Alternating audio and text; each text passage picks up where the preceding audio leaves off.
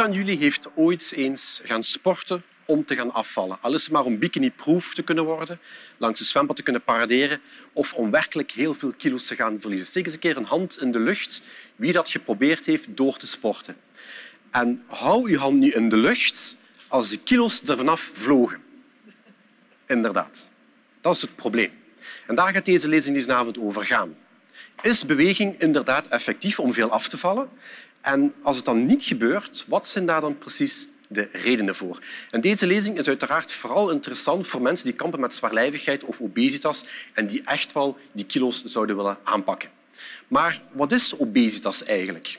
Wel, obesitas of zwaarlijvigheid kan je op een relatief eenvoudige manier berekenen, namelijk door de body mass index of de BMI uit te tellen voor jezelf. Wat dat je doet is, je gaat je lichaamsgewicht delen door het kwadraat van je lichaamslengte. In dit voorbeeld zie je dat deze persoon overgewicht heeft, omdat de BMI groter is dan 25 kilogram per vierkante meter. Echter, wanneer de BMI boven de 30 gaat beginnen stijgen, dan spreekt men dus van obesitas. Nu, let op, deze BMI is zeker niet eensluitend of feilloos. We weten zo bijvoorbeeld dat er een verschil bestaat tussen mannen en vrouwen. Voor eenzelfde BMI zien wij dat de mannen toch een iets lager vetpercentage kunnen hebben dan de vrouwen. En hoe komt dat? Omdat mannen over het algemeen een iets grotere spiermassa hebben. En er is ook een verschil tussen oudere individuen en jongere individuen. Jongere individuen hebben over het algemeen meer spiermassa en zullen dus bij eenzelfde vetpercentage toch een hogere BMI gaan hebben dan oudere personen. En ook gespierde mensen hebben vaak een hogere BMI, ook al hoeft dat daarom niet te betekenen dat ze een hoog, te hoog vetpercentage hebben. Daarom is het dus beter om het vetpercentage exact te laten meten door een scan of onderwaterweging. Of, een veel eenvoudiger techniek, is gewoonweg het meten van je buikomtrek. Ja? Een relatief simpele methode waarbij we weten dat als je een dame bent, moet je onder de 80 centimeter blijven en als je een man bent, moet je onder de 94 centimeter blijven. Nu, obesitas heeft wel degelijk consequenties op de gezondheid. Wanneer je obese bent, dus een BMI hebt boven de 30 kilogram per vierkante meter, dan weten wij dat de kans op hart- en vaatziekten 75 procent hoger zal zijn. De kans op bepaalde longaandoeningen ongeveer een 30 procent hoger zal zijn, net zoals de verhoogde kans op kanker. En dit verklaart dan ook waarom dat de gemiddelde levensverwachting bij iemand die zwaarlijvig is korter zal kunnen worden. Wanneer je BMI bijvoorbeeld met 5 kilogram per vierkante meter stijgt, dan neemt de kans op overlijden met 50 procent toe bij mannen en met 30 procent bij de vrouwen. Maar let op, ook ondergewicht is ongezond. Stel dat je een BMI hebt van nauwelijks 17,5 kilogram per vierkante meter, dan loop je eigenlijk even groot risico om te sterven als iemand met een BMI van 35, ernstig obesitas. Dus ondergewicht is ook geen slim idee. Nu, wat zijn de behandelmogelijkheden voor obesitas die op dit moment bestaan? In eerste instantie zal men u aanraden om gezond te gaan eten. Ja.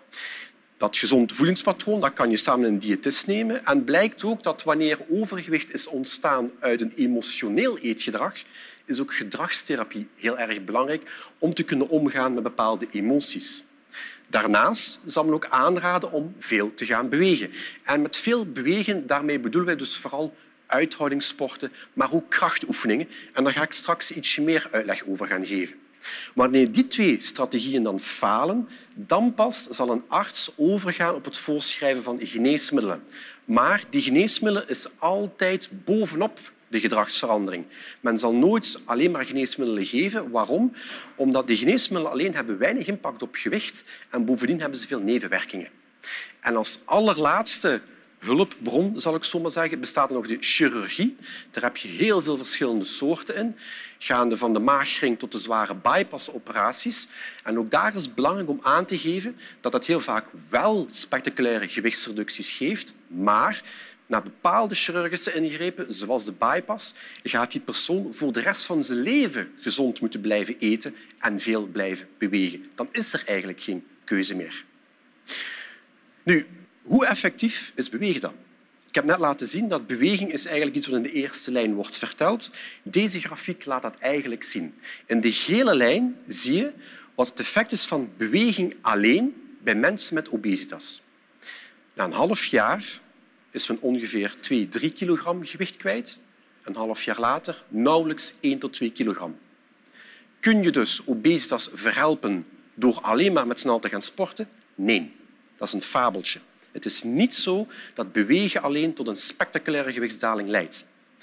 Op de zwarte lijn zie je dan de combinatie van gezonde voeding en bewegen. En dan zie je wel een duidelijk effect. Na een jaar interventie ziet men dan ongeveer 8 kilogram gewichtsreductie. Dat is al een eerste belangrijke tip om mee naar huis te nemen. Als je aan je lichaamsgewicht wil werken, is het de combinatie van gezond eten en bewegen dat het meest succesvolle zal zijn. De vraag is dan vrij logisch, hoe komt dat dan? Dat dat bewegen alleen eigenlijk maar zo'n klein effect uitlokt. Je hebt enerzijds klinische redenen, daar ga ik eerst mee beginnen, om daarna over te schakelen op moleculair-fysiologische redenen. Een eerste belangrijke klinische reden waarom mensen weinig lijken af te vallen, heeft te maken met lichaamssamenstelling. Als je gaat sporten, gaan je spieren belast worden. Die spieren gaan erop reageren, die gaan groeien en je spiermassa neemt toe. Dat betekent dus dat ook je lichaamsgewicht gaat toenemen. Dus in plaats van af te vallen, lijkt je net bij te komen. En dat is ook de reden waarom een weegschaal gebruiken geen slimme strategie is om in te schatten hoeveel vetmassa je verliest. Want de weegschaal houdt je voor de gek. Wat je wel moet doen, is je buikomtrek registreren. En we doen dat allemaal iedere dag. Iedere dag gaan we eens een keer een riem aan of een niet-elastische broek of jurk. En als je voelt dat dat losser komt te zitten, dan weet je, aha, het begint te werken ongeacht wat de weegschaal jou probeert te vertellen. Een tweede belangrijke reden waarom mensen minder lijken af te vallen heeft te maken met fysieke activiteit. Rusten na het sporten is belangrijk. Dat is zo. Maar te veel rusten gaat net een omgekeerd effect uitlokken. Dus de, het idee dat je na het zwaar sporten voor de rest van de dag niets meer hoeft te doen, dat heeft uiteraard geen zin. Integendeel, wanneer je gaat sporten om af te vallen, moet je ook voldoende fysiek actief blijven in dagelijkse leven. En een eenvoudige techniek is het dragen van een stappentellertje. En op je stappenteller zul je zien of je voldoende stappen haalt en of er inderdaad een daling optreedt en dat je dat dan kunt gaan tegenhouden. Een andere belangrijke reden, gerelateerd aan levensstijl, is uw voedingspatroon. Studies laten inderdaad zien dat sommige mensen gaan onbewust bijknabbelen. Ze hebben het zelf niet door, maar ze gaan extra bij eten. Uiteraard, de calorieën die je verbrandt, ga je gewoon terug innemen en er is geen effect op je vetmassa of lichaamsgewicht. Een mooi voorbeeld, we gaan met z'n allen zwemmen. We zijn klaar met zwemmen, we komen buiten en wat zien we daar staan? Zo'n grote kast met zakjes chips. Ja, wat gebeurt dan heel vaak? Mensen gaan een zakje chips eruit halen omdat ze denken ah, ik heb gesport, ik kan me dat wel permitteren, maar eigenlijk lost het daarmee niets op. Dus je moet proberen de honger aanvallen of de eetbuien af te remmen. En daar is een rol van een diëtist heel erg belangrijk in. Als laatste mogelijke klinische reden is uiteraard verkeerd sporten. En hier speelt internet geen mooie rol. Daar worden heel veel fabeltjes verkondigd op het internet die mensen klakkeloos gaan volgen. Een eerste mythe die vaak wordt geproclameerd is nuchter sporten. Als je wilt afvallen, moet je nuchter gaan sporten. Wat laten studies zien? Inderdaad, als je nuchter gaat sporten, ga je op dat moment meer vetten verbranden. Dat is zo, dat klopt. En atleten doen dat vanuit het perspectief om prestatiebevordering te veroorzaken, om fitter te gaan worden. Maar wat blijkt nu op basis van studies? Wanneer mensen met overgewicht nu nuchter gaan sporten maandenlang of na een ontbijt maandenlang, ze vallen evenveel af. Dus nuchter sporten moet niet. Het kan gerust na een ontbijt. Tweede mythe op het internet is de mythe van laag intens oefenen. Dat wil zeggen heel traag wandelen, op een hele lage hartslag gaan sporten. Inderdaad, als je laag intens sport, ga je op dat moment veel vet verbranden. Maar uiteindelijk ook blijkt uit studies, of je nu laag intens en lang sport of hoog intens en kort, je gaat evenveel vetmassa gaan verliezen. Dus je mag hoog intens sporten. Dat betekent daarom niet dat je minder gaat afvallen. Weliswaar moet je ermee rekening houden met hoog intens sporten, dat de kans op blessures groter kan worden. En dat is de balans die je daarin moet gaan proberen te vinden. Je zult dan afvragen, ja, wat moeten wij dan precies doen? Misschien BBB, hè, lokale spieroefeningen doen. Wel, jullie kennen dat concept. Met z'n allen lokale spieroefening doen, sit-ups doen en dan denken ik doe sit-ups, dus ik ga hier vet verbranden. Zo werkt het lichaam niet. Wanneer er inspanning levert, gaat er via het brein gaan er hormonen worden vrijgemaakt. En die hormonen zullen bepalen waar en hoeveel vet er gemobiliseerd en verbruikt zal gaan worden. Daar hebben we eigenlijk niets aan te zeggen. Dat betekent, als je buikspieroefeningen doet, kan het fysiologisch perfect mogelijk zijn dat je vermagert op je linker dikke teen. Dat is perfect mogelijk. Ja? Het is dus duidelijk dat die lokale spieroefeningen dat dat geen soelaas zal brengen. En er is nog een mythe dat vaak de op het internet is, namelijk je moet gaan sporten in warme omgeving. Want in de warmte ga je meer vetten verbranden en daardoor meer gaan afvallen. Uiteraard is dat ook nooit aangetoond in persoon met zwaarlijvigheid. Je moet niet gaan sporten, hijgen en puffen in 30 graden. Dat heeft weinig zin. Ja? Dus wat moet je dan wel doen om veel af te vallen? Het is het volume van inspanning dat belangrijk is. Het totale calorieverbruik. En natuurlijk, de manier om veel calorieën te verbranden is uithoudingstraining. Fietsen, roeien, zwemmen, joggen, langlopen. Al dat soort bewegingsvormen zullen ervoor zorgen dat je veel calorieën gaat verbranden. En natuurlijk groot volume, dat betekent voldoende lang, voldoende intens en voldoende frequent. Wat is voldoende intens? Wel, matig intens is hoog genoeg, zeker en vast. Dus wanneer je aan het sporten bent en je kunt nog net een verhaal vertellen zonder een ademnood te geraken, that's it. Meer heb je eigenlijk niet nodig. Dat is een voldoende intensiteit. Duur, hier komt het slechte nieuws. Studies laten zien dat mensen pas spectaculair beginnen af te vallen wanneer ze minstens 250 minuten per week sporten.